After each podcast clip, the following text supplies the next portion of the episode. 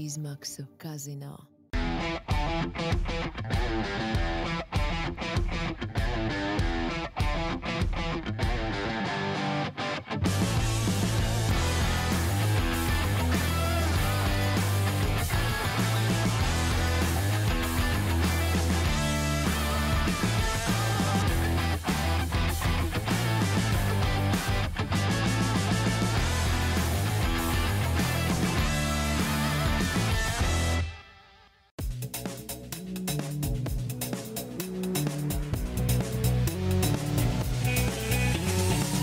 F1 LV podkāsts.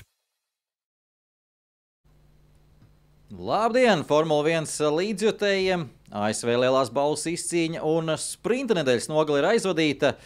Un jāsaka, daudziem šorīt pamošanās arī bija diezgan interesanta, noteikti arī nevisai patīkama. Divas diskvalifikācijas uzreiz mums no vadošajiem pilotiem. Tas nozīmē, ka arī rezultāti sagriezt kājām gaisā. Par to arī visu parunāsim. Un kā vienmēr, jāsaka, šoreiz tā studijā ar mani kopā Jānis Vanks. Sveiks, Jānis! Buongiorno! Buongiorno. Kāpēc Jānis saka buongiorno? Jā, nē, Tāpēc, ka es no Itālijas atgriezies, es diezgan ilgi pavadīju laiku. To, to vien tu iemācījies tur. Nē, nē, es negribu vienkārši izgāzties. Es it kā jau kaut ko vēl varu un kaut ko arī saprotu, bet eh, nu, priekš kam tagad visai Latvijai zin kā, zīmēties? Labi, Jānis pazīmējās jau Falštartā par visu, ko varēja pazīmēties. jā, jā, tas ir tāds. Es esmu. Bet mēs ķersimies klāt pie diskvalifikācijām. Tā laikam būs tomēr tā pirmā lieta, ko mēs runāsim. Man bija nedaudz tas grafiks savādāks, sastādīts vēl vakar. eh, Es negribu teikt, vakarā, vakar, par vakaru to nenosauksi. vai Es, bet eh, šorīt no rīta pēc nepārāk gara miega bija mērens šoks. Es pat Twitterī neko nerakstīju, nevienam neatbildēju. Visi, visi Bet tie, kas- Twitters bija karsts. Twitters bija karsts, jā, jo bija, nebija laika, bija jāskatās, jālasa noteikumi patiesībā, jo es arī visus noteikumus gluži no galvas nezinu, un bija jālasa noteikumi, un dažas lietas man arī palika tādas diezgan uz jautājumu zīmes.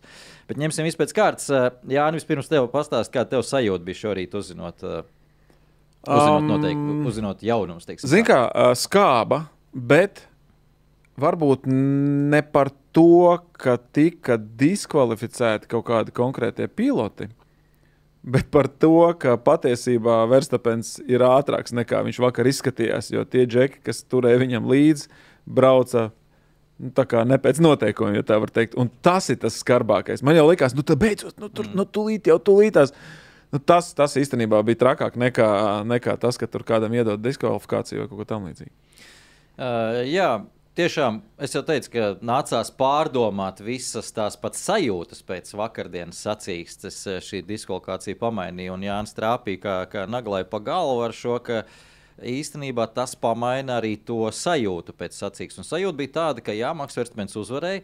Uh, mēs parunāsim arī par stratēģiju, un vai varēja būt savādāks rezultāts. Un teorētiski varēja būt savādāks rezultāts, bet atkal jāsaka, ka vēl viena liela jautājuma zīme uzreiz ir šī diskvalifikācija, jo mēs nekādā veidā uh, zinātniski precīzi nevaram aprēķināt, uh, kāds būtu bijis rezultāts. Spēku samērs, jā. Jā, spēku samērs un cik tiešām ietekmē. Varbūt jau nemaz tik daudz neietekmē, arī to mēs nezinām. Varbūt ietekmē Mēs ceram. vairāk. Jā, mēs ceram, ka tik daudz neietekmē. Mēs ceram, ka Bet, tik ā, daudz es domāju, ka neietekmē, to jā. mums parādīs, to bildi mums parādīs nākamie posmi. Ā, Vēl pietiekami daudz šogad ir sacīkstes, ā, un arī trases ir pietiekami ar dažādu zīmējumu, lai mēs apmēram nojaustu, ka Vai tas bija tiešām tā, ka pēkšņi iedeva tur pussekundi? Es neticu, ka tas, tas tik ļoti tas palīdzēja absolūti ā, šajā gadījumā.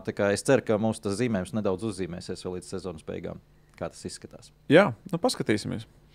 Uh, jā, nu tad pēc kārtas par visu, uh, par diskvalifikāciju sāksim tā. Bija daudz jautājumu cilvēkiem par to, kāpēc tieši šie piloti tika pārbaudīti un šīs mašīnas tika pārbaudītas. un Tā bija tā lieta, ko es gāju meklēt noteikumos. Uh, lasīt noteikumus, un uh, tas ir uh, diezgan interesanti. Viena lieta, ko es varu pateikt, tie, kas uh, cer uz to, ka es redzēju arī Twitterī, ka varbūt būs kāda apelācija no komandām, tad šeit apelācijas nebūs, jo tur ir diezgan melns uz balta. Jā, tur nav jautājumu, Šajā jā. gadījumā jā, nekāda varianta nav. Un pat pirmie komentāri no, es dzirdēju no Toto Wolfa, īsti nav ar ko attaisnoties. Mēs esam paši vainīgi. Uh, Arī Ferrari to pašu pateica. Jā, nu, Ferrari to nedaudz savādāk noformulēja. Folks vienmēr tā ņem uz krūti. To man patīk tajā ziņā. Viņš ir diezgan konkrēti. Jā. Ferrari mēģina vienmēr tā, bet nu lai nu kā. Attaisnot, kāpēc tā notiek. Jā, jā, šajā gadījumā tur, tur nav, nav ko attaisnot, ā, bet kā tā tad tiek ā, šī situācija no tiesneša puses regulēta, tas notiek tā, ka faktiski tas ir arī paredzēts noteikumos, ka nav iespējams un nav reāli pilnīgi visas 20 mašīnas pārbaudīt pēc pilnīgi visiem noteikumu punktiem. Tas nav reāli, tas, tas ir tāds milzīgs darbs, uh, un tas nav saprātīgi. Līdz ar to uh, katrs, katra noteikuma sadaļa, katra, katra tehniskā noteikuma sadaļa, ja nav rakstīts savādāk, kā vienmēr, šādi arī teikumi tur ir iekšā, ja nav rakstīts savādāk, tiek pēc izvēles izvēlēts formulas. Ļoti bieži tās ir vadošās komandas, kā arī šajā gadījumā, mm. gadījumā vadošās komandas tiek paņemtas un izmērītas. Un noteikumos uh, nav rakstīts, ka, ja tiek atrasts uh, pārkāpums kādam no pilotiem, ka obligāti ir nepieciešams arī viņa komandas biedru pārbaudīt. Jo tāds arī bija jautājums, jo man arī pirmā doma bija, nu, ja Leclerc ir uh, ne, ar nelegālu grīdu braucis, nu, visdrīzāk arī Sainz tie- teorētiski varētu būt. Bet arī tas nav noteikts noteikumos. tā kā Tīri teorētiski tiesneši ir izdarījuši visu, kas, kas ir jāizdara pēc noteikumiem. Uh, tas, ka šobrīd mums joprojām ir pietiekami daudz jautājumu par to visu situāciju, un vai nevajadzēja nedaudz savādāk to visu, tā ir cita lieta. un Tur varbūt tiesnešiem vēl jāpilnveidojas tieši tāpat kā pa Baltijām līnijām. Mēs varam turpināt diskutēt ilgi un gari, vai viss ir pareizi un vai tā ir jābūt. Bet nu, tādi ir noteikumi, pēc noteikumiem viss ir pareizi izdarīts. Jā. Es pat nezinu, ko tev piebilst. Nu, fakts, fak, fakts ir fakts. Un, uh, dažādi gadās. uh, Tas ir viss ir tehniskās komisijas un, un, un tā kā sp- spēkos un lemšanā. Arī mūsu sacīkstēs bieži vien ir tā, ka nu, tur paņem, piemēram, nezinu, pārbaud pirmo, pirmos trīs un pēc izvēles vai pēc loterijas kādu no atlikušajiem, piemēram. Nu, tā. Man vienmēr ir interesējis, Jā. kā ir izvēle notiek. Kā ir izvēle? Jo vienmēr, kāpēc jūs viņu izvēlaties, kāpēc no to izvēlējāties? Ja tiešām Es, ja es, nav es, pieļauju, ka, es pieļauju, ka tiesneši paši kaut kā tur nezina. Es, es godīgi sakot, es pat nezinu, es neesmu piedalījies tajā, kā viņi pieņem tos lēmumus, bet uh, nu, tas ir normāli. Jo, manuprāt, ir jāpārbauda ne tikai tie, kas brauc pa priekšu, bet arī tie, kas brauc aizmugurē ik pa laikam. Tāpēc arī ir tā loterija, tāda, ka, nu, ka tur kāda no beigām arī pārbauda. Lai, jo, jo es pat teiktu, ka nu, teiksim, mūsu sportā reizēm bardaks lielāks ir tieši aizmugurē. Jo tie, kas brauc pa priekšu, viņi baidās, ka viņiem Nevar tiks, atļauties. jā, viņi nevar atļauties diskvalifikācijas un vispār, un tāpēc viņi Mm. baigi stingri mēģina turēties pie noteikumiem. Šai aizmugurēji atkal grib viņus noķert. Un tad ir tas jautājums, vai tur ir meistarība vai nav, un tad, ko tad tur, tur īsti darīt, un tad tur, tur sākās. Un tad, tad, tāpēc arī ir tas, ka ik pa laikam kādu no aizmugures arī parāda vaļā, lai paskatītos, vai viss ir kārtībā, kas ir normāli. Absolūti normāli. Jā, nu, jūs noteikti esat redzējuši arī Formula 1 kvalifikācijas laikā. Kvalifikācijas ietvaros ir pēc uh, brīvās izvēles, dators izvēlās uh, pilotu Jā, pēc svars, lidojoša apļa jā. svara svēršanās. Bieži piloti par to ir sašutuši, jo tas notiek kvalifikācijas laikā. Tur katra sekunde brīžiem svarīgi ir. Uh, bet tā ir jā, datora izvēle. Šajā gadījumā tā nav datora izvēle, tā bija tiesneša izvēle. Jā, lai nu kā tā, tad vairāk sīkāk par šo planku, par planku ik pa brīdim jau ir runāts. Un šogad, atceramies, Singapūra un Spāņu trase bija tās divas trases, kur Red Bull komandai nācās Sauc pacelt kā ir dēlis. dēls. Nu, planka, jā, nu, Dēlis. dēls, nu, koka dēls. Nu, tas nu, ir koka dēlis. Jā, nu, koka saplāksnis, koka ļoti augsta, augsta blīvuma. Gluži laikam ne tas saplāksnis, ko depo var nopirkt, es pieļauju. Es nezinu. Bet ļoti augsta blīvuma koka saplāksnis ar nodiluma īpašībām, jo viņam ir jādilst, principā, bet tas nodilums ir 10 mm plus mīnus 0,2 mm ir oriģinālais biezums šaurākajā vietā. Tāds ir noteikums, un attiecīgi nodilums drīkst būt uh, 10%, kas ir 1 mm. Uh, ir konkrēti mērīšanas punkti, tātad caurumi tur uh, ir šajā plankā vai dēlī, ir caurumi, kur arī mēra. Nezinu, kāds ir bīdmērs, kā, kā, kā viņi to dara. Uh, interesanti būtu redzēt, bet uh, jā, ļoti precīzi tiek izmērīts, un šis nodilums bija lielāks kā viens milimetrs. Uh, tā kā iedomājieties, šeit ir par vienu milimetru runa. Un tas milimetrs tas ir maksimālais nodilums, tad tur acīm redzot, vēl, vēl mazākās vienībās aiziet. Jā. Uh, Tas pats nodilums jau nav tas, kas deva tās priekšrocības. Tās priekšrocības deva tā situācija, ka šīs komandas uh, proti varēja nepacelt to grīdu tik ļoti augstu, uh, kā pacēla Red Bull. Red Bull, kā jau sāku stāstīt, baidoties no tā, ka nodils dēlis. Tu man tagad, tagad pārslēdz no plankas uz dēļa. Uh, ka Nodils Dēlis pat, uh, pacēla grīdu augstāk Singapūrā, tāpēc viņi bija tik konkurēt nespējīgi, bet tur tiešām bija krietni nopietnāk arī tā problēma, krietni lielāka priekš Red Bull situācijas, un tā pacelšana bija nopietnāka. Un savukārt tas tika darīts arī spātrasē, jo atceramies, ka tur aiz Oru rūžu braucot augšā kalnā kompresijas dēļ pamatīgi arī berzējās, berzējās ar vēderu pa asfaltu, un arī tur atmetās uh, pa trasē Peres un arī Verstapens. Uh, lai nu kā, kā es teicu, man tā lielākā sāp ir, ka mēs nevaram reāli izmērīt, cik tad ieguva vai zaudēja katra komanda šajā gadījumā. Tas, tas man kremt visvairāk, ja tas būtu ļoti interesanti. Tas ir tas, ko es arī teicu. Tieši tā. Uh, tā kā šeit es domāju, ka mums pat īsti nav vairāk par ko runāt. Komandas, kā jau teicu, ir atzinušas absolūti vainu. Šeit nebūs nekādas, nekādas uh, iespējas kaut ko panākt. Uh, sev par labu un rehabilitēties. Vēl viena lieta jāsaka, ka pilnīgi noteikti ir paši komandas vainīgi šajā gadījumā Mercedes un Ferrari, ka neizdarīja to.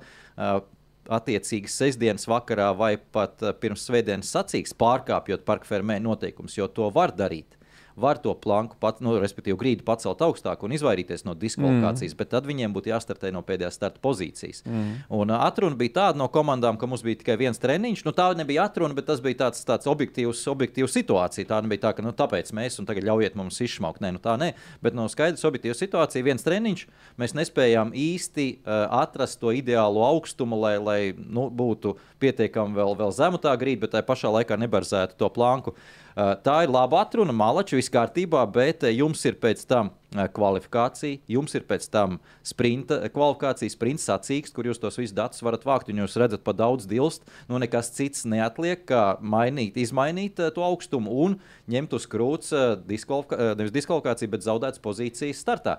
Tieši to šogad izdarīja Alpīna, ja tu atceries. Mm -hmm. Tas bija Baku. Eh, Baku viņi eh, konstatēja tieši šo situāciju šādā pat veidā, ka viņi ar jauno savu uzlabojumu paketi sāk par daudz deldēt eh, grīdu, un tajā vienā treniņā nebija to atraduši. Un pirms svētdienas sacīks, attiecīgi pacēla augšā grīdu, pārkāpa par fermē noteikumus, abi piloti tika pārcelti uz starta pozīcijām no mhm, boxiem. Mm -hmm. Tā kā šeit, es domāju, vispār nekādas atrunas nav. Nav, nav, un, bet, nu, visu cieņu viņiem, viņi arī neko baigi neatrunājas.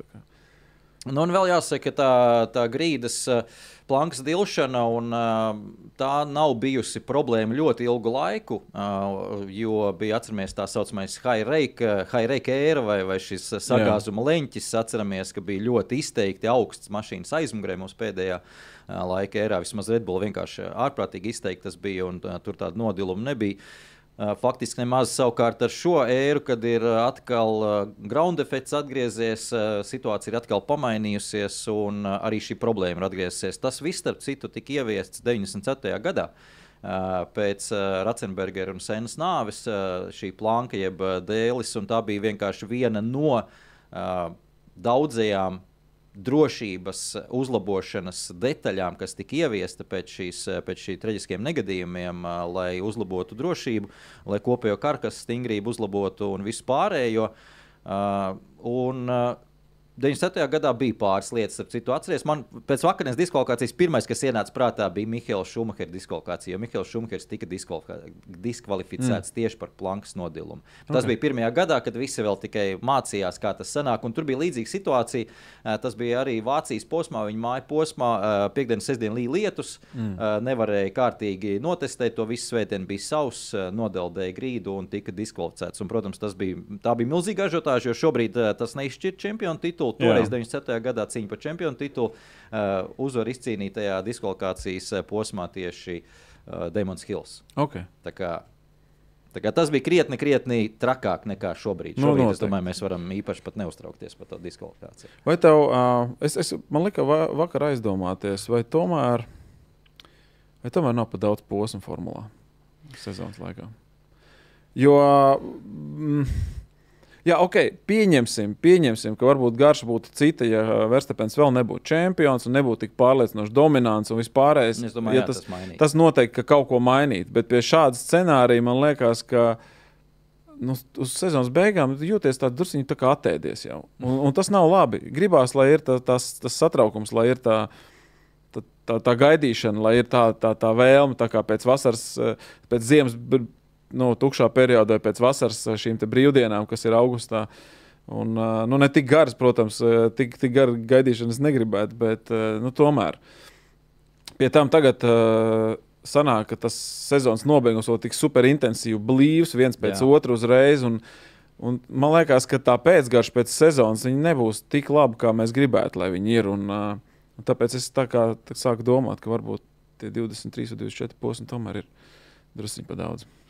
Uh, nu, es varētu vēl, vēl pastrīdēties un piekrist, vai, vai nu, tiešām es, es neesmu pārliecināts. Nē, tas nav kategorisks. Sezonu, tā jā. nav kategorisks pozīcijas, vienkārši tā, tā ir diskusija. Bet, bet patieši šobrīd sajūtu uh, patiesībā ka vēl priekšā ir interesants trases. Man tomēr, es tomēr gaidu, tā, ka sezonas beigas varētu likties tiešām nu, jau šitien, jau un sevišķi pēc tik smagas nedēļas nogales, kur miega ārkārtīgi maz ir mm. bijis. Bet nē, patiesībā es Meksiku ļoti gaidu, Interlagos es vaiprātīgi gaidu. Jā, tas gan jā. No abu dabī tas tāds. tāds tāds sezonas noslēgums, tāds nedaudz vanskars sanāk, manuprāt, bet, bet, bet tās pārējās, tas Lasvegas, es ļoti gaidu. Kā, jā, tās, Nē, tās, par trasēm vispār nav jautājumu. Nu, par gaidāmajiem posmiem arī nav jautājumu. Visi būs interesanti, visi labi.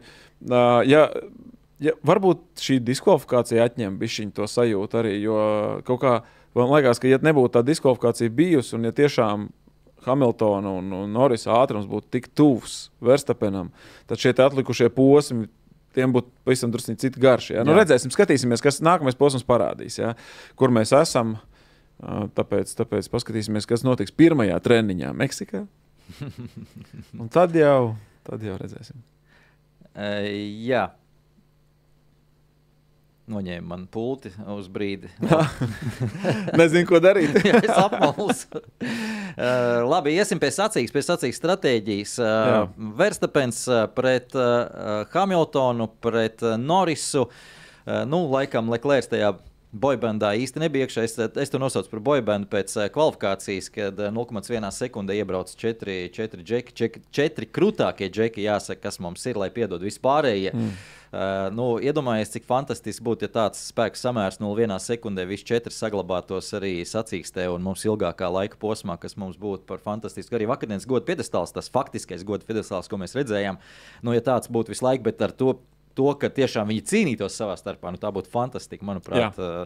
mēs Piekrīt, ļoti, jā. ļoti gaidām to, ka būs tā, tās formulas krietni, krietni līdzvērtīgākas. Bet jā, par sacīksti, tad starts no sastāvā starta pozīcijas Verstapenam. Verstapens pietiekami Uh, nu, negribās teikt lēns pirmajos, pirmajā nogriezienī, bet ļoti piesardzīgs. Un, uh, tas patiesībā, es nezinu, kā tev, bet man pilnīgi noteikti vienā brīdī arī lika tādu mazu cerību, viest, ka varbūt tomēr, tomēr šobrīd tas, tas, tas moments, ka ir aizkavēta, aizturēta Red Bull komanda nedaudz šajā trasē, un pārējie ir atveduši uzlabojumu šajā nu, skaitā visvairāk, jau, protams, Mercedes. Ka varbūt tomēr ir nedaudz tie spēki izlīdzinājušies, protams, atkarībā no konkrētās trases konfigurācijas. Bet tas, kā Verstapens strādāja jau pēdējā nogriezienī, pa vidu mēs vēl runāsim par to, bet kā viņš strādāja pēdējā nogriezienī ar tām problēmām, kas viņam bija manuprāt, parāda, tomēr šeit nevaram nepaslavēt uh, Verstapenu, jo nu, apbraukt riņķī uh, bremžu problēmām, jo jāsaprot tā lieta, ka bremzes, kā viņš teica, ir kā viņš teica, kokainas. Un, ko tas nozīmē? Ja tev ir kokaina bremze, ne jau pati bremzēšanas problēma, apstāšanās līkumā ir tā problēma. Problēma ir, ka tu nejūti, kā reaģē riepas, kāda ir riepu saķere. Atgrieztiskā saite no pedāļa. Jā, tieši tā. Tu ļoti labi to zini, noteikti, kā tas ir. Un līdz ar to uh, tādā sacīkstē, kur tu brauc uz robežas, uz riepu taupīšanas robežas, kur tu vari neaizbraukt to nogriezni līdz galam, sataupot tās riepas.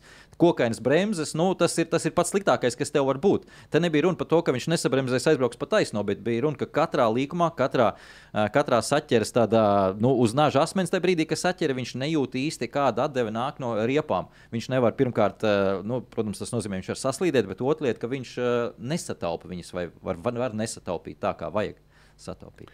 Es no pieredzes varu teikt, ka faktiski jeb, e, var būt dažādas tehniskas līkstas um, tam braucamajam, ko tu brauc trasē. Bet bremžu problēma, lai kāda tā nebūtu, visvairāk atņem pārliecību par, par ātrumu.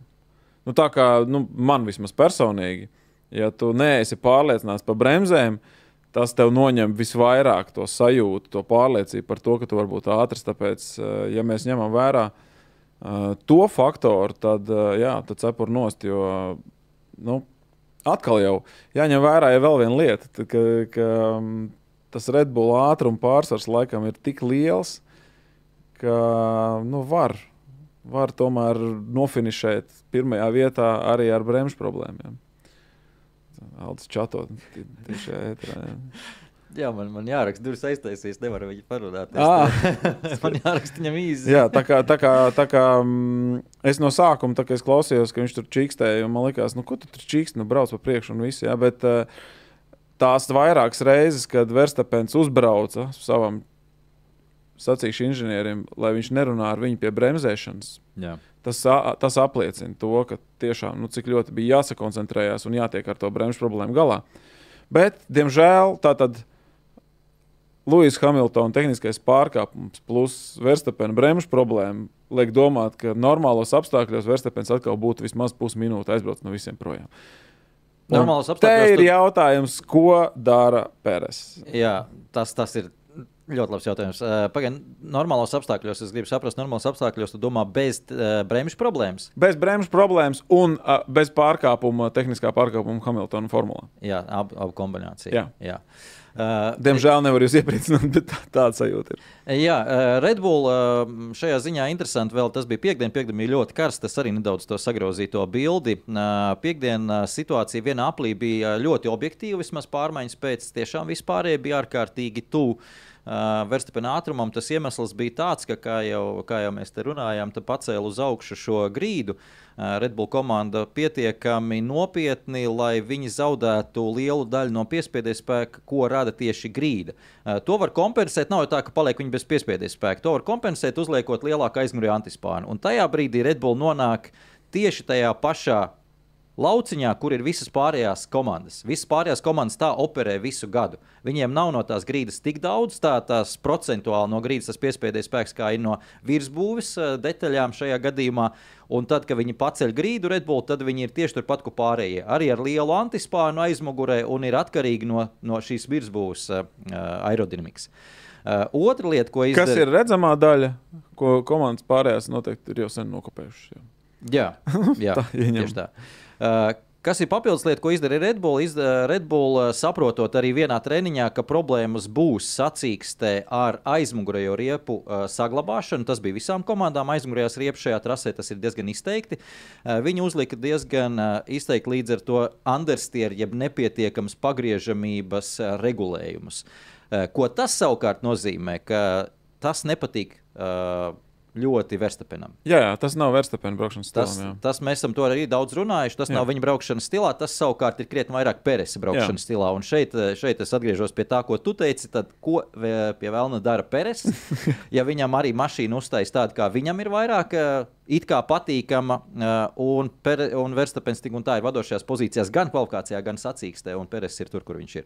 Labi, Peres nebija tā, ka viņš kritā ārā no bildes šodien, bet nu, pilnīgi skaidrs, ka Peres eh, nu, cī- bija viens no Tu man izstāsti, kas, eh, kāpēc uz piedestāla Verstapens tika bujināts un kāpēc pēc tam fonā bija Jā. PRS, PRS. Vai tiešām meksikāņu fani zina kaut ko vairāk nekā mēs? Uh, Labi, pirmā lieta, ko es zinu, es, es esmu pārliecināts, ka arī Bujana nedaudz uh, Verstapenu, bet uh, bija rakstīts, ka tomēr uh, tajā brīdī, kad pasniedz balvu Verstapenam, Bujināts tika uh, Teksas gubernators nevis. Ah, Kas pasniedz viņam balvu. Okay, okay. Tā kā Es, es pieļauju, Nu, kas ka tur bija- nepatīkam Verstapenam, jo tas tā kaut kā, nu, man vispār besīk, ka, nu, teiksim, būtu aiz kaut kāds, nu, tas ir, bet, nu, fani ir fani. Viņiem ir, viņiem ir, kā saka, dot iespēju izteikt savas emocijas. Uh, nu, tas, es domāju, ka tas nāk kombinācijā. Tur gan jau ka kāds arī bojināja Verstapenu, un mēs to pārbaudīsim Meksikā vislabāk. Vai Nu, tur- tiks bojināts vai netiks bojināts Verstapens. Jā, Tur nebūs jā. Meksika. Kur Un diez vai viņš nebūs uz piedestāla. Jā, un tur nebūs Teksas gubernators uz ok, piedestāla. ok, ok. Uh, jā, bet atgriežoties atpakaļ pie šīs situācijas, tad, kā jūs teicāt, tās aizmirstās riepas bija jāpieskat, un pavisam ātri tas izskaidro, starp citu, arī Ferrari situāciju. Ferrari vienā aplī uh, ļoti labi, kā vienmēr, viņiem tās bedres, un es negribu teikt, ka bedres viņiem patīk. Viņiem vienkārši bedres neizsit tik ļoti no līdzsvara, mehāniskā saķera, viņiem ir labi stiprā puse un vienā aplī. Uh, viss ir labi un lieliski. Plus, uh, atšķirībā no visiem pārējiem, Uh, ar, Ferrari šobrīd ar savu pēdējo update, kas bija Suzuka, ļoti gājuši uz priekšas stingrība, priekš, respektīvi priekšējās asas stingrība, tas, kas patīk arī Verstapenam, tas, kas patīk ļoti patīk Leclercam. Tāpēc mēs redzam, pēkšņi atkal ir sagriežušies eh, vietām Leclerc ar Sainzu, jo šeit ir tieši tā pati situācija. Leclercam patīk tas, ka priekšā ir asa un atsaucīga, eh, Sainzam nevisai. To viņš arī atzīst, to viņš arī godīgi pateica Malacis. Un tāpēc arī kvalifikācijā uzvara eh, Leclercam, bet ko tas nozīmē sacīkstē, kāpēc Ferrari palika tur, kur viņi palika. Viņi apzi, nevis apzināti, es nezinu, kur problēma. Nesaprata, nezināja, nemācīja, negribēja, man vienalga pa lielam, bet viņi to aizmuguri palaid vējā, ja tevi priekša asa kā, kā grib to Leclerc. Tas nozīmē, ka aizmugurē staigā. Ja aizmugurē staigā, tad deldē straujāk riepas, kas mm. notiks sacīkstē, Ferrari straujāk deldē riepas. Tas, tas, ja tu paņem piekdienā pole position, kā šajā gadījumā tu samaksā ar, ar to svētdienā. Respektīvi, Red Bull spēlēja nedaudz gudrāku spēli. Nebija vairāk uz punktiem tendēts. nu, uz svētdienu gal galā punkti, nu, kad, kad tiek dalīti. Tieši tā. Uh, tā kā, jā, es uh, gribēju tagad uh, tev pajautāt kaut ko. Es aizmirsu, ko es tev gribēju pajautāt. Es gribēju atpūsties un es gribēju atrast dzeramo. um. Es, uh, jā, es tev gribēju pajautāt par Lando Norris patiesībā. Es tieši gribēju te teikt, ka varbūt par Lando Norris mēs varētu parunāt. Jo man tā, dzeramo, jā, man, tā, man tā sajūta ir tāda, ka. Um, Varbūt, labi, varbūt tas gala scenārijs nebūtu diezko savādāks. Var jau būt. Bet man liekas, ka tā nelielā kļūda līkumā, kur viņš izbrauca pa tālu ārā, kad Verstapens vēl bija aiz viņa un pielaida Verstapenu faktiski DRS zonā. Pirms tam ļoti veiksmīgi turot viņu ārpus šīs DRS zonas.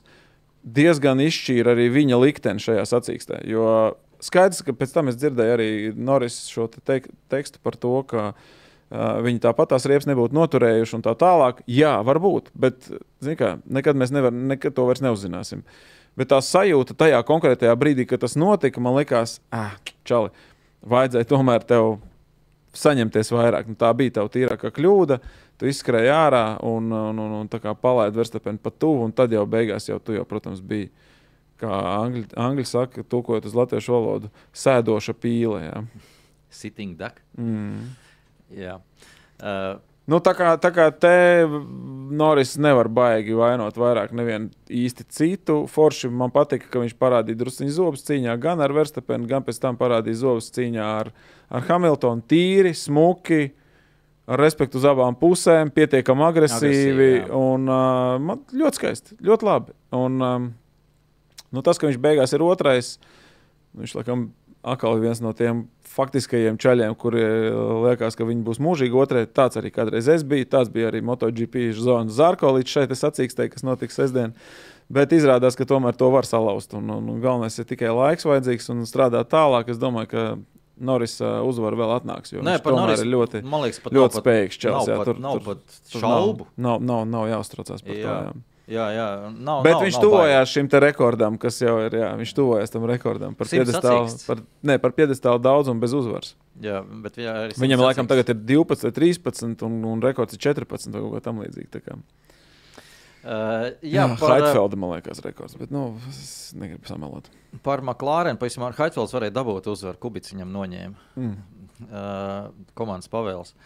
Uh, bet, uh, Jā, pavisam ātri par, par, par McLaren arī situāciju. McLaren ļoti līdzīgā situācijā kā Red Bull, kā mēs esam runājuši, tad viņiem tās stiprās puses ir ārkārtīgi līdzīgas, jo viņi ir ņēmuši un brutāli nokopējuši Red Bull. Nevienam citam neliec arī to darīt, un lūdzu, dariet, tas, tas arī jāmāk. Ir, tā.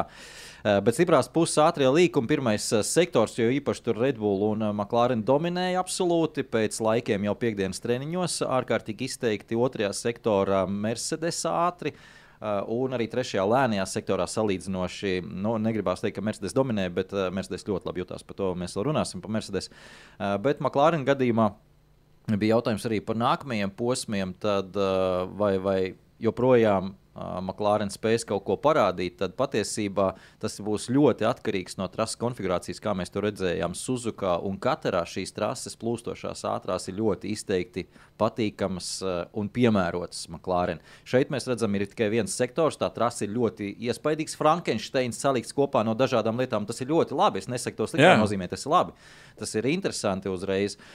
Bet, protams, mums vajadzīgs ir dažādas trases, un nevajag tā, ka viss trases mums ir sap, sapičkāts viens sektors tāds, otrs tāds. Ir ļoti labi, ka ir arī trasa, kas ir ļoti ātra. Ir ļoti labi, ka ir trasa, kas ir ārkārtīgi lēna. Jā. Lai ir tāda lielā dažādība, un visur tu nevari būt ātrs. Nu, līdz ar to atlikušajā sezonā, kā jau teicu, tad McLaren ātrums un spēja turēt līdz Red Bull un būt priekšā Mercedes vai Ferrari būs nenormāli atkarīgs no trases konfigurācijas, plus no apstākļiem, tieši laika apstākļiem mm -hmm. katrā posmā. Un tā, tā tas ir bijis visu sezonu. Palielā. Jā, bet McLārens ir tur.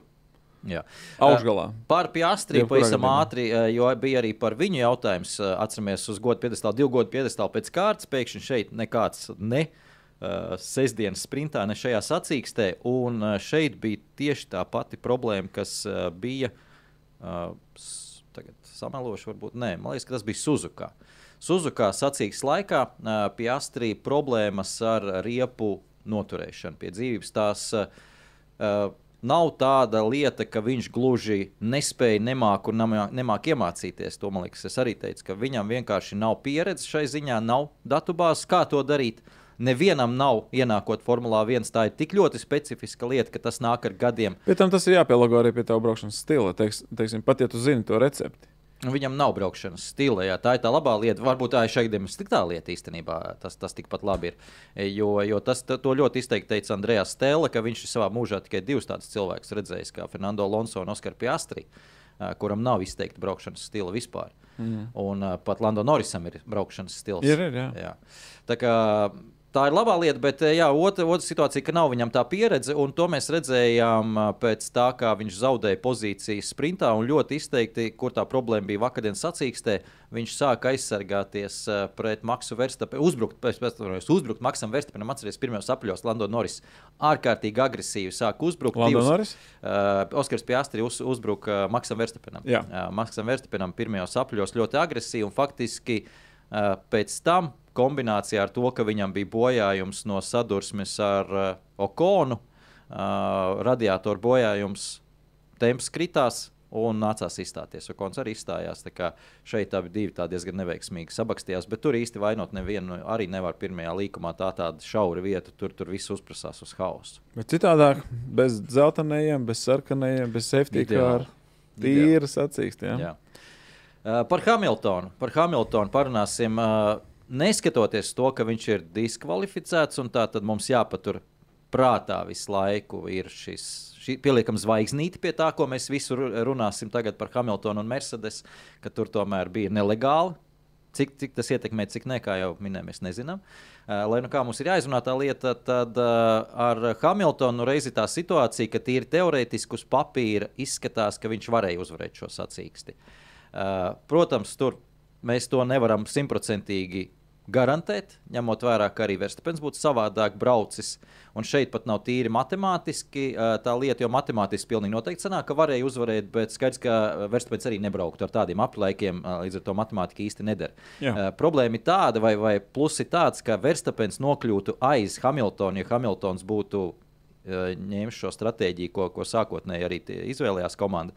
Uh, Verstapens nokļūt aiz Hamiltona, viņam būtu trasē jāapdzer Hamiltons. Tā ir tā lieta, ko mēs neredzējām sacīkstē. Un to es ļoti gribēju redzēt. To es arī teicu, komentējot, ka Jā. beidzot mums ir situācija, ka mēs varam cerēt uz Hamiltona un Verstapena cīņu daudz maz līdzvērtīgos apstākļos. Jā. Nevis tā, ka viņš pabrauc garām. Kā, nu, pārsvarēs ir šogad bijis daudz, nav, bet pārsvarēs ir. Jā, nu tas izpalika, bet um, kopumā. Nu, jā, es nezinu, es, es, es dzirdēju tās atsauksmes, no, nu, nevis atsauksmes, bet tā kā, to sajūtu, vai tā, tā, tās pirmos vārdus, ko Hamiltons uh, veltīja komandai pēc finiša. Vai viņš vēl joprojām tā jūtas arī pēc diskvalifikācijas, grūti pateikt. Bet, uh, nu, redzēsim, redzēsim. Skatīsimies. Uh, jāsaprot, ir nākamajos posmos ir jāsaprot, pirmkārt, ir jāņem vērā to, ka visticamāk, un to tu labāk noteikti zinās, Redbulls jau kaut kādu brīdi vienkārši neuzlabo vispār savu formulu vairāk. Jā, viņiem nu, nav nekas vajadzīgs vairāk. Palielam. Uh, līdz ar to skaidrs, ka viņi ātrāk nepaliks, vai pārējie uzlabo vai neuzlabo, vai jau ir visi pārslēgušies uz 24. gada uh, bolīdiem. Nu, skaidrs, ka visi pie tā strādā, bet jautājums ir, cik lielā mērā proporcionāli pret esošās formulas uzlabošanu un tā tālāk. Tā kā tas nobeigums, kāpēc es to visu stāstu, tikai tāpēc, lai tomēr arī sevi pārliecinātu, ka, ka ir jāskatās, no labi, es jebkurā gadījumā skatīšos, ir jāstāsta pēc atlikušie posmi, lai mēs varētu iezīmēt kaut ko vismaz nākamajai sezonai, lai mēs varētu saprast, kur tad mēs tagad šobrīd esam, kas varētu būt tās izmaiņas, kas varētu nākt pa ziemu, un kur tad varētu būt tie spēku samēri komandām nākamgad. Ja? Jo pagaidām, nu, es nezinu, vai mēs par Astonu Martinu runāsim, bet tas tāds skarbākais, eh, tāds, tāds, nu, viskarbāk izskatās šobrīd no visiem. Atpakaļ, cik daudz tēmas atvēri. Jā, jā. Es gribēju, Es tāds tagad esmu, gribu jā. uz visām atbildēt. Es tāds esmu, jā. Eh, Labi, bet es pabeigšu to vienu lietu par Droši, stratēģiju jā. uh, Hamiltonu. Tātad šo stāstīja arī um, James Ellisons. uh, Pēc, pēc finiša, ka atzina arī kļūdu šajā gadījumā. Šeit vēl viena atsauce uz Ferrari. To, to es arī gribu ātri pieminēt, bet labi par uh, Mercedes. Tātad, tā situācija tāda, pirmajā nogriezienī Mercedes komanda reaģēja vai norēģēja uz to, ka uh, Verstapens bija salīdzinoši lēns tempā. Nebija pietiekami ātrs. Tobrīd nebija informācija par kaut kādām bremzēm, absolūti nebija nekas. Bet tā doma no Mercedes bija, ka Verstapens ļoti pietaupa ātrumu. Nevis tāpēc, ka viņš nevar pabraukt ātrumu, bet viņš pietaupa ātrumu, taupa riepas, viņš apzinās, ka ātrums viņam ir. Viņš pietaupa uz beigām, viņam ir ideāla situācija pat no tās pozīcijas, kur viņš ir. Lai ar to cīnītos kaut kādā veidā, vispār mēģināt cīnīties, Mercedes saprata, ka viņiem jāiet uz citu stratēģiju. Ir ka viņi nevar to pašu kopēt, jo tādā veidā viņi zaudēs, jo tas ātrums, viņi uzskatīja, ka ātrums ir lielāks Verstapenam. Ejot uz citu stratēģiju, nozīmē viens boxu apmeklējums un pirmo nogriezienu vilkt garu. Jā. Uh, tāpēc arī prasīja, uh, Verstap, mm, Hamiltonam prasīja, vai es esmu gatavs braukt 5 sapļus ilgāk. Un tur bija tā atbilde, tāda, mm, jā, nu nezinu, varbūt vāru mēģināsim. Jā. Un viņi sāka braukt un aizgāja šajā stratēģijā, jo vispārējie bija iebraukšie boxu apmeklējumā. Es te varu ātri uzlikt arī bildi, sorry visiem, kas mums audio klausās. Uh, Bildi šeit var redzama. Tātad Verstapens iebrauca 16. aprīlī, un uh, Hamiltons uh, turpināja braukt un iebrauca tikai 20. Bet arī 20. viņam nebija paredzēts braukt, bija paredzēts braukt 23. lai iet uz vienu boxu apmeklējumu stratēģiju. Man sanāk, ka viņam vi- eh, cietā riepu nogrieznis ir tikpat garš, pat, pat īsāks nekā ar, ar, vidējā sastāvriepu. Jā, Kas ir aplam? Bet, eh, bet tā lieta šajā gadījumā bija tāda, ka viņš nokavēja tā saucamo undercut, ko mēs ļoti bieži Jā. pieminam. Visi pārējie redzat blakus 17, 17, 17, norēģējot uz Verstapenu 16. eh, Sākumā aizgāja uz vienu eh, pitstop stratēģiju, bet 19. aprīlī tik strauji kritās temps. Verst uh, Hamiltonam 18. un 19. ja es nemaldos, skatījos pēc telemetrijas, ka bija skaidrs, ka tur tās riepas ir aizgājušas pa pieskari un uh, neizturēs uh, vienu boxu apmeklējumu. Strauji mainīja viņa sit, uh, lēmumu un gāja atpakaļ uz diviem pitstopiem. Tāpēc arī sūdzējās uh, Hamiltons uh, sacīkstes laikā. Arī pitstops nebija baigāts. Uh, Pitstopie pitstop viņš bija vainīgs. Ah, Hamiltons ok. bija vainīgs. Hamiltons netrāpīja, netrāpīja boxā. Ah, netrāpīja, bet man liekas, ka viņš diezgan nē, tā. nu, tur ir jātrāpa. Jā, Šādi. es saprotu. Jā, Viņš, jā. tur- viņš pa šādu gabaliņu netrāpīja visu cauri. Tur, Ok. tur, jā, jā. jā, es saprotu. Jā, tā kā, nu, cik tā viņi tur 3, cik tur bija tās sekundes? 3,6, nebija. jā. Uh, tur arī, protams, zaudēja laika, jā, bet uh, pēc aprēķiniem, es to pastīšos, viņi zaudēja kopumā uh, 11 sekundes. Ieskaitot boxu apmeklējumu kļūdu, uh, to, ka šos četrus liekos apļus nobrauc. Jo visi pārējie, ieskaitiet, Verstapenu uzlika svaigas riepas to brīdi, un tas ir tas saucamais undercut, ka tu ļoti daudz Tur iegūsti. 0,7 un vairāk. Jā, Jā, ka, ka tu katrā aplī ļoti iegūsi. Tātad 11 sekundes eh, viņš atgriezās atpakaļ aiz Verstapena. Pēc boxa apmeklējuma, cik tur tās sekundes, 4, ja nemaldos, vai 7, un, otra, un viņš būtu bijis 4 priekšā.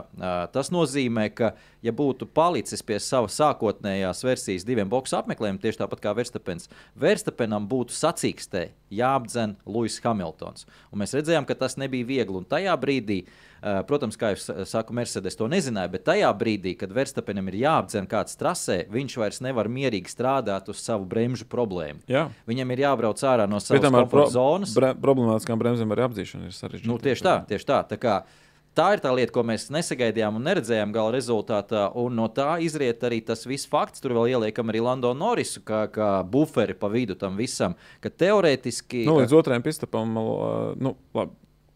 Ne, ne galīgi līdz, līdz otram pistapam Lando vadībā bija komanda. Nē, otrā, otrā stinta vidū, laikam, Jā, viņa apzina, Jā, jā.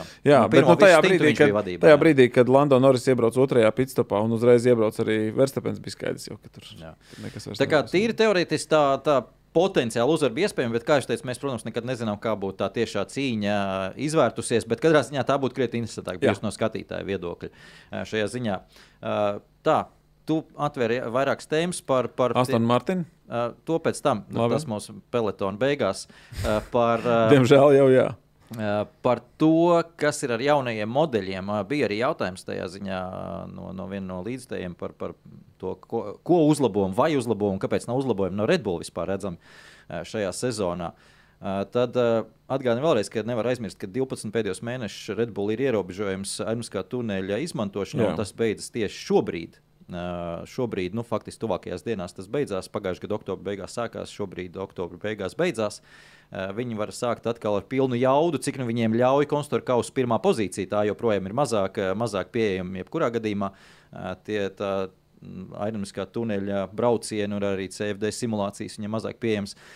Bet ko teica Kristians Horners, faktiski jau arī sezonas sākumā, tad šis aizliegums vai šis ierobežojums eh, tik ļoti neietekmēja šī gada formulu un attīstību, bet gan nākamā gada formulu.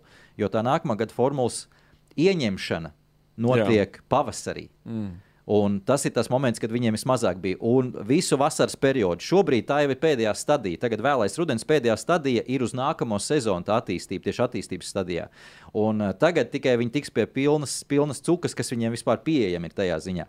Uh, tur viņi ir uh, visvairāk to zaudējuši. Un otra lieta, kas ir, kāpēc mēs varbūt neredzam viņu uzlabojumus trasē, ir tā, ka atcerieties, ko viņi izgāja uz starta šī gada sākumā ar izcilu mašīnu, kas strādā tieši tā, kā viņi ir uh, simulējuši to simulatorā, mm. kā, kādi dati ir bijuši aeronautiskā tunelī. Tas nozīmē, ka tā korelācija viņiem starp uh, teorētisko pusi un praktisko pusi ir tuvu ideāli. Yeah. Un nevienai citai komandai tā nav bijis. Tāpēc ir tik ļoti daudz vajadzīgi ir uh, trases testi visiem, arī Mercedes. Uh, Uh, Red Bull tie nav vajadzīgi, un, protams, ja būtu daudz iespējas taisīt detaļas, viņi arī tāpat uh, taisītos testus. Bet tā kā nauda, pirmkārt, ir nauda jāskaita, katra Jā. detaļa, ko tu uzražo, maksā naudu. Viņi saprot, ka viņu korelācija ir tuvu perfekta, un ka tas vienkārši, nu, labi, nav vajadzīgs, tas par skarbu teikts, bet viņi var iztikt bez tā. Jā. Tāpēc mēs neredzam viņu uzlabojumus. Plus, vēl tas, ja viņi tagad uzbāzīs kādu uzlabojumu, visi to redzēs.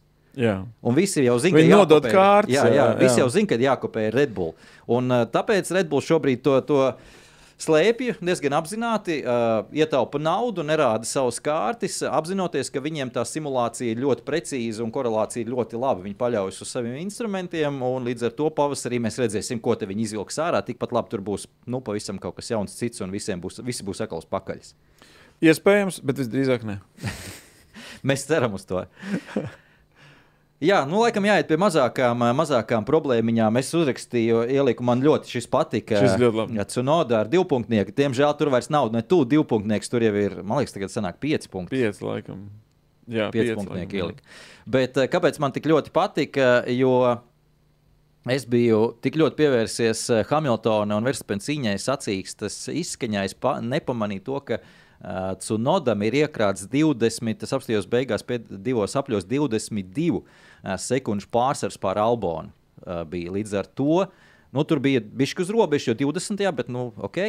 Līdz ar to ļoti labs gājiens, riskants gājiens, bet eh, kā, tik maz tie punkti nāk tajā lejas galā, par katru punktu jācīnās. Iebrauc boxos, uzliek mīkstās riepas, bām! Ātrākais aplis pēdējā aplī šķērsojot finiša līniju. Fantastiski! Manuprāt, tas ir vienkārši satriecoši labi. No tas, bija, komandas. tas bija ļoti labs stāsts. Jā. Tas bija ļoti labs stāsts. Maleča komanda arī. Un, uh, patiesībā arī Rikārdo atgriezies. Bija labā tempā, jāsaka, izskatījās ļoti labi. Tā it kā nebūtu gājis projām, kā jau viņš pats vienmēr to ir teicis. Bet, jā, Maleči, Maleči vispār tur tā lejas galā tur ir interesanti. Tur sāžantam tagad dēļ tās diskvalifikācijas sāžantam pirmais Pirmie, punkts. Un, un uh, tas, ja mēs runājam par lejas galu, un es te it kā minēju par uh, Astonu Martinu, ka tur tā skarba tā situācija un vispārējā. Godīgi sakot, vēl skarbāk izklausījās vai izskatījās, manuprāt, um, Haas.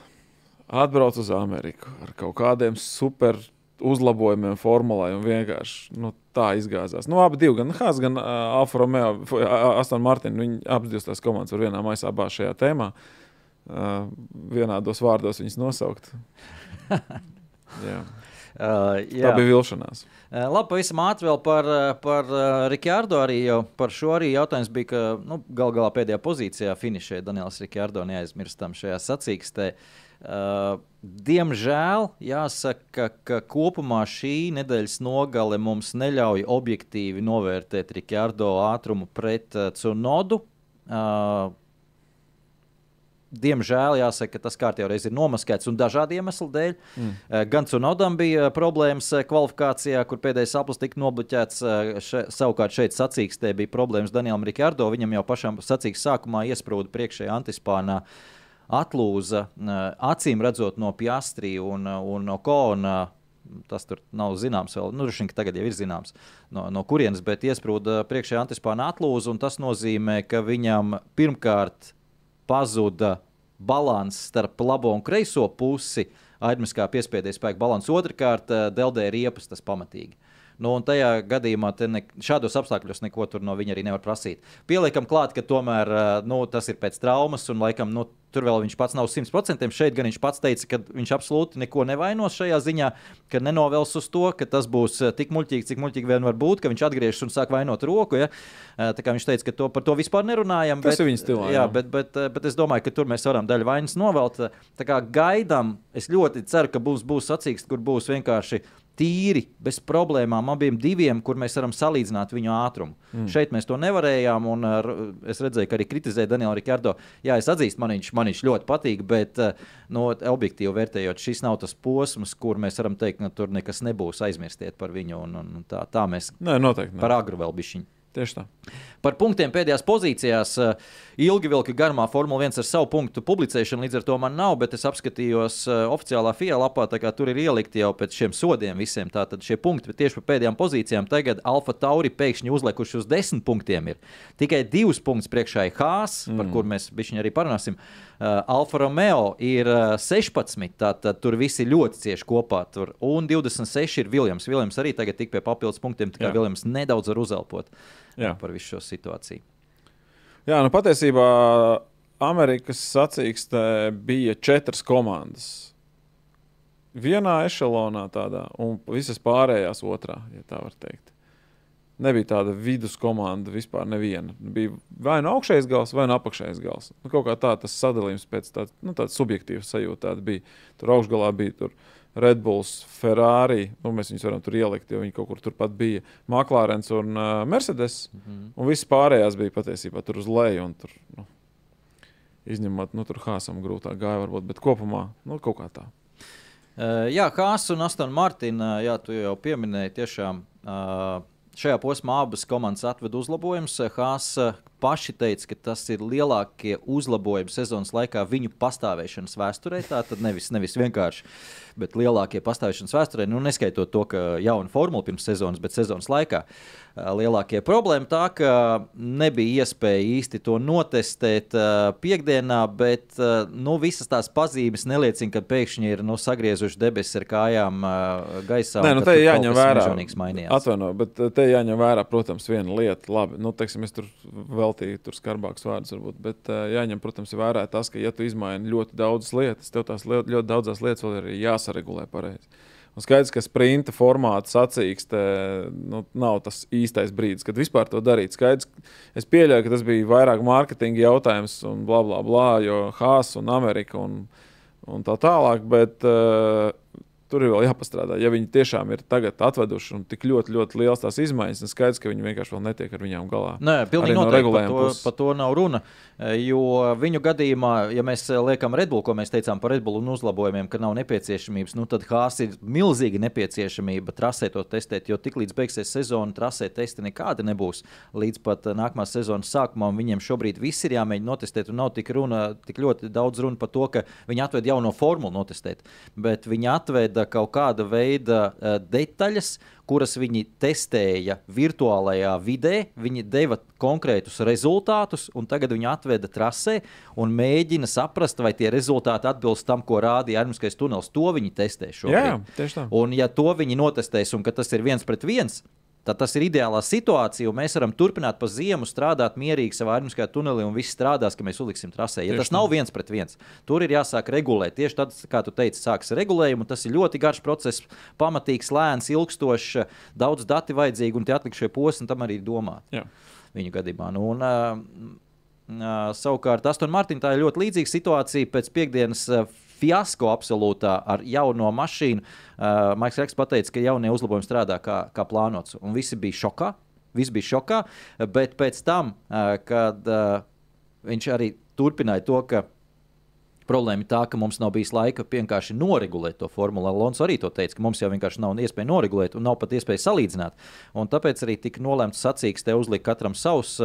Katram savu versiju. Jā, tieši mm. tā. Alonso brauc ar veco, nu cik veco ar katras versiju.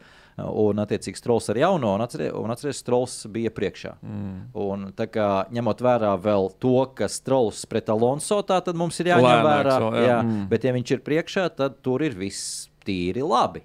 Un viņi startēja no boxiem. Jā. Un viņi stabili iebrauca punktos vēl pirms diskvalifikācijām. Jā. Tā kā nu, par Astonu Martinu es teiktu, ka tur izskatās tīri ok. Viņi zaudējuši ceturto vietu. No sezonas beigas ir uz leju. Tur nav runa par to. Maklārina aiz, aizšaušies garām kā lokomotīva, ātrvilciens. Bet, uh, bet uh, Astonu Martinu izskatās vismaz kaut ko ir atraduši. Jā, nu labi. Lai viņam veicas. uh, Mēs vēl... gribam redzēt Alonso piedestālu. Tāpēc. Atpakaļ. Jā. Jā. Tā, vēl viena lieta par Ferrari. Šoreiz, pēc tam, kad kādas pāris posmas mēs Ferrari mm, paslavējām, tad šoreiz jāsaka, ir jāpakritizē atkal. Un uh, situācija pavisam vienkārši. Viņu gadījumā bija gandrīz tas pats, kas ar Mercedes. Un es ļoti ceru, ka Ferrari šobrīd šo piemēru ņem un ieliek savā datubāzē, to saprot un izdarīs pareizos secinājumus. Jo, ja tā nebūs, tad, tad, tad aizmirstiet Ferrari līdzutēji, ka viņi šajā grupā, kur tagad ir McLaren, Mercedes un Red Bull, teiksim, nākamajā sezonā varētu līdzvērtīgi ar viņiem cīnīties. Jo tajā brīdī sāksies nianses. Ja visiem būs daudz maz līdzvērtīgas formulas, tad tajā brīdī sāksies nianses. Cik tu spēj ātri reaģēt un mainīt savu stratēģiju, mm. cik tu spēj ātri savus kļūdas atzīt, kā tagad to Mercedes izdarīja, un kaut ko vēl saglāba no tās sacīkstes. Uh, savukārt, uh, nu, pat bija mājās visiem uz dīvāna, tie, kas cītīgāk seko līdzi, uh, bija skaidrs, ka nestrādā tā viena boxa apmeklējuma stratēģija, kāpēc jūs mokat to leklēru tajā trasē. Un tad, kad jūs nes cik ar 10, 20 apli nokavēšanās, atcerieties, pats pašā beigās uh, tika piedāvāts uh, tam Šarlam Leklēram. Nu, varbūt tomēr ejam uz plānu C un brauc boxos. Leklērs vienkārši atbildēja brutāli, nu, jūs jocīgi esat, tas arī jau pa vēlu ir jau.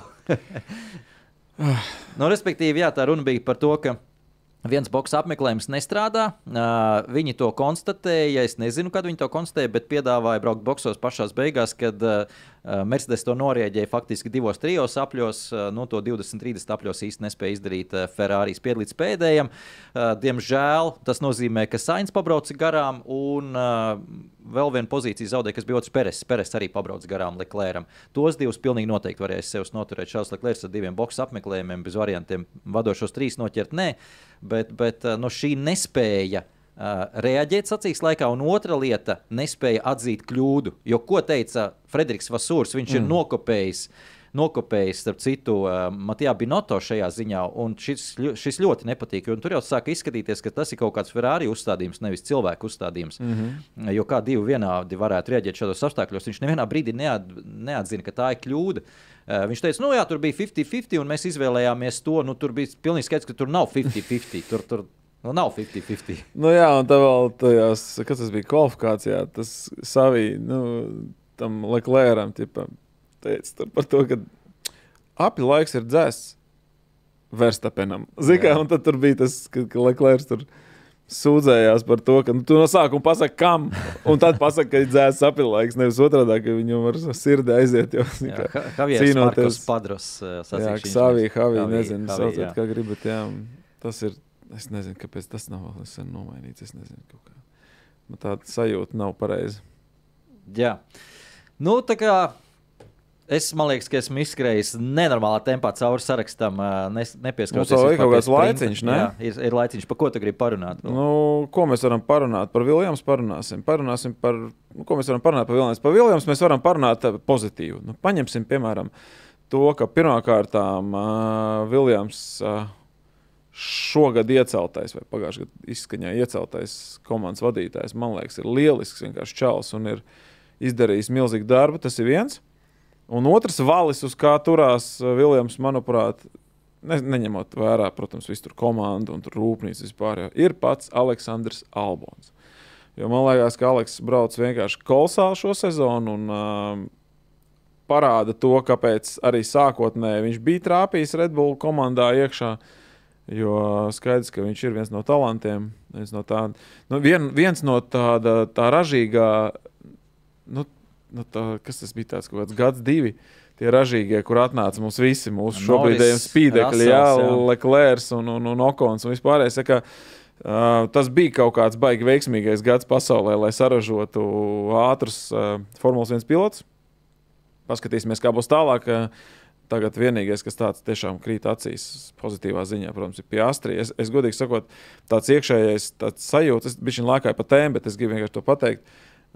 Tā iekšējā sajūta ir tāda, ka piastri, nu, es ceru, ka viņš man neliks man vilties, bet man liekas, ka piastri ir nākamais verstapens vēl labākā izpildījumā nekā pat Verstapens. Tā kā nu, redzēsim. Varbūt es pārāk esmu sacerējies un tā, bet šobrīd atstāja ļoti, ļoti labu iespēju. Bet, ja mēs atgriežamies par Viljams, kā es sāku Jā. par Viljams, lai nelēkātu baigi par tām tēmām, tad es teiktu, ka Viljamsam uz priekšu ir ļoti, ļoti laba nākotne. Es domāju, ka tā komanda tikai ies uz augšu un uz augšu. Uh, skaidrs, ka Alfa Romeo šobrīd ir vienkārši Audi gaidībās, ja, un tur, tur, tur, protams, neko baigi sagaidīt nevajadzētu. Bet, uh, jā, par Viljams es gribētu teikt, ka šī ir viņiem bijusi laba sezona. Uh, ir cilvēki pareizajās vietās. Man patīk tā sajūta, ko tā komanda rada. Man patīk tas progress, ko viņi ir darījuši. Un, arī, un, un es domāju, un es godīgi sakot, kaut kur klusīgi ceru, lai man arī nav baigās nekādas privātās pretenzijas. Tomēr, ka jāpamaina tas sastāvs Viljamsam uz nākamo gadu. Jā, Viljams. Un tas nav Aleksandrs Albons. Jā, protams. Es domāju, ka viņiem jāturās pie Albona. Ir, nu, kā, kā pie, Cik nu var? Pie sava, tiešām, kā teica, pie viena no vaļiem. Džeims uh, Vols. Uh, viņš ļoti patiesībā aizklausēs, ir liela darba izdarījis attiecībā par uh, kapeks palielināšanu mazajām komandām. Par šo pretī spurinājās visas lielās komandas ļoti ilgu laiku. Tas nedaudz laikam paslīdēs garām, varētu būt daudziem. Bet, uh, Uh, vismaz kaut kas ir panākts. Vismaz uh, sākotnēji prasīja 60 miljonus, klāt uh, dabūja 20, bet nu, trešā daļa tas ir ļoti daudz. Bet uh, kāpēc noteikumi, tātad kapitāla ieguldījumi, es, es atvainojos, es ne, ne, nepaskaidroju. Uh, kapitāla ieguldījumi visā infrastruktūrā, programmatūrā un tā tālāk, tā joprojām, kas mazajām komandām ilgu laiku ir bijis diezgan švaki un nekā, jo īpaši arī Viljams komandai tur pēdējos gados 20 kopš BMW aiziešanas nekas nav darīts. Kā, kā, kā Volfs teica, tad viņš bez maz atgriezies iepriekšējā gadsimtā. Tajā komandā skaidrs, ka tā komanda nevar operēt vienā līmenī ar vadošiem, pat ar vidusmēra komandām. Līdz ar to ir vajadzīgi tie kapitāla ieguldījumi. Tur budžeta griezti ir pilnīgi citādi. Noteikumi tiek rēķināti koeficienti ārkārtīgi sarežģīti. Godīgi sakot, es arī līdz galam nesaprotu. Turklāt trīs vai četru gadu nogriezienī tas tiek darīts, jo tu nevari kapitāla ieguldījumu pat paveikt vienā sezonā. Līdz ar to tu nevari attiecināt uz vienu sezonu. Tu, ja tu būvē kaut kādu milzīgu jaunu, nezinu, vienalga instrumentu, nu, tas ir 3-4 gadi. Jā. Bet, jebkurā gadījumā, šo šobrīd eh, tās mazās komandas ir tikušas pie liela, liela bonusa. Eh, kā jau teicu, tie 20 miljoni arī sadalās kaut kā eh, vidus ešalons, trīs komandas, kas vidus ešalonā, attiecīgi pie nedaudz mazāk, un vadošās komandas pie vēl mazāk. Tā kā tur ir sadalīts tā, tā proporcionāli. Tas attiecīgi. ir labi, jā, jo šie, šie budžeta griezti tām mazām komandām. Mēs jau daudz reizes dzirdējām no mazajām komandām šos sūdzības par to, ka tā infrastruktūra, protams, ir sanāk pēc veciem noteikumiem, sanāk iesaldēta un attiecīgi viņi vienkārši nespēja Nestoties to, ka budžets ir viens, bet viņi nespēja ieguldīt infrastruktūrā, un, un, un, lai pievilktu vispār klāt. Un tad, tā kā sanāk, ka tās spēja sagatavot jauno formulu, tām dārg, bagātajām komandām ir lielāka jau pēc, pēc Nu, pēc noklusējuma. Pēc jā. noklusējuma jā. Uh, jā, nu un uh, par, par jaunajiem talantiem tu aizskāri. Tad uh, tieši Meksikas uh, pirmajā treniņā būs tev pamatīgi izklaide, jo patiesībā vesela rinda jaunie piloti būs. Tad Meksikā būs un Abu Dabī tās tā, tie divi posmi, kur šobrīd ļoti daudz ir. Mums uz sezonas beigām daudz sprints sacīksts, un tur pirmajā treniņā lika kaut kādus jaunos nav. Uh, saprātīgi un vērts. Uh, tā ir burtiski, burtiski nu, sev iešaut kājā tādā veidā, tikai var komandas. Tad Meksikā būs vesela rinda ir tas saraksts, ar, ar, ar ko mēs redzēsim. Džeks Doens būs Alpīna, Frederiks Vestī, Mercedes, tas jau sen bija Olivers Bērmans, būs Hāss, viņš ir Ferrari jauno akadēmiju, jaunās akadēmijas biedrs. Patrīs jau vārds, ko mēs redzējām arī šeit ASV, viņš būs McLaren komandā, Roberts Švansmans, Ferrari, Filipe Drugovičs, Aston Martin, Teo Puršērs, Alfa Romeo. Tur no pamatsastāvā būs knapi puse Tā kā būs jautri. Eh, Būs jautri, būs starp citu Red Bull sastāvā Džeks Denis. Tie, kas skatās Formule 1, zina, kas ir Džeks Denis eh, čempions gal galā, bet nevajag domāt, es redzēju arī par komentāru par to, ka nu, tagad eh, Red Bull meklē, meklē nākamos un iet, iet uz Formule 1. Nu, nē, absolūti nē, viņam ir 28 gadi. Viņš ir Red Bull simulātora braucējs jau daudzus gadus. Un šeit ir vienkārši fantastiska iespēja uh, priekš pilota salikt galvā, savienot tos, tos diedziņus ar to, ko tu sēdi simulatorā un to, ko tu esi trasē. Tu tiec pie reālās šī gada aktuālās formulas, izbraukt trasē, un tava atdeve simulatorā krietni uzlabosies. Pilnīgi noteikti. Tāpēc viņiem ir vajadzīgi, vajadzīgi tie aktuālie piloti. Tur nav runa par to, ka tagad Džeks Denis sēdinās, nezinu, Peres vietā vai kaut tam līdzīgam. Nu, tieši tā. Viņiem ir jaunais, jaunais braucējs, Īzaks Hadžārs, būs, būs gan Alfa Tauri, bet viņš būs vēlāk, man liekas, Abu Dabī būs. Un arī Redbullā viņš, viņš divreiz tiks piekdienas treniņos. Tā kā viņiem jaunie ir jo, joprojām daudz, vai talantīgi, vai nē, vai pietiekami labi, vai nē, tas ir cits jautājums. Par to mēs vēl, vēl varēsim pārliecināties. Es redzēju, bija jautājums par uh, Valtriju Botas, uh, kā, kā mēs neesam viņu pieminējuši, kā viņam iet. Uh, nu, mums burtiski 30 sekundes, Jānis, ko tu gribi par Valtriju Botas pateikt? Kaut ko darbojās. ko darbojās. Jā, nu man arī tāds sajūta, ka nedaudz viņš tā kā tādā Kimija Raikunena zonā ir ieslīdējis uz pēdējiem gadiem, ka es te esmu, man ir labi te kopumā. Uh, varbūt, ja būtu labāka formula, es vairāk arī pacenstos, bet uh, nu, es tā izbaudu. Nu, varbūt nav tik traki, varbūt viņš tomēr cer uz to uh, uh, Audi, tomēr tas laiks līdz tam Audi būs smags viņa gadījumā, jo skaidrs, Motivācija atrast ir grūti, Grūti, un, jā. uh, un savukārt sačakarēt visu, lai tur netiktu, ir viegli. ka. Jā, tieši tā. Labi. Norāvuši esam stundu. Paldies! Mums bija ļoti daudz skatītāju tiešraidē. Skaidrs, ka vis, visiem sakotināja nervu. Nēru šīs diskvalifikācijas pilnīgi noteikti. Tagad mums patiesībā ar podkāstiem sāksies pamatīgs maratons sprinta tempā. Katru pirmdienu būsim tiešraidē līdz pat pēdējam posmam. Un uz pēdējo posmu es ceru, ka mēs te saicināsim cilvēkus. Man nav, starp citu, vēl pagaidām veids, kā atrast to cilvēku. Tā kā ja jūs izdomājat kādu baiglabo veidu, kurš varētu nākt uz tejienu pie mums ciemos, kā, pēc kā mēs viņus varētu atlasīt, droši rakstiet Twitterī vai kaut kur. Lieciet laikus, un kā tur jāsaka, visu pārējo sekojiet mums. Like and share. like and share jā. Un uh, būsim apakaļ pirmdienā. Jānis stāstīs, kā viņam gāja. Jā, mēs tiekamies piekdienā Meksikas pirmajā brīvajā treniņā. Jā. Uh, Labi, tā, paldies, tiekamies!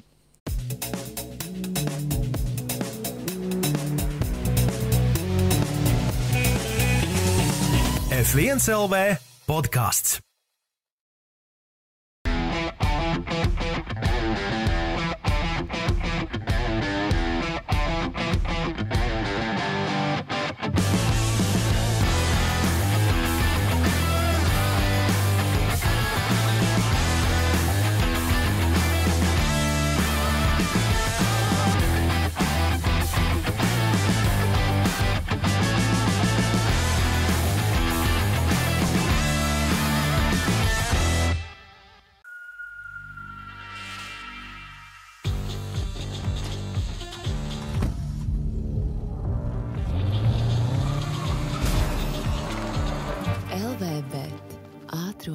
LVB ātrā izmaksu kazino.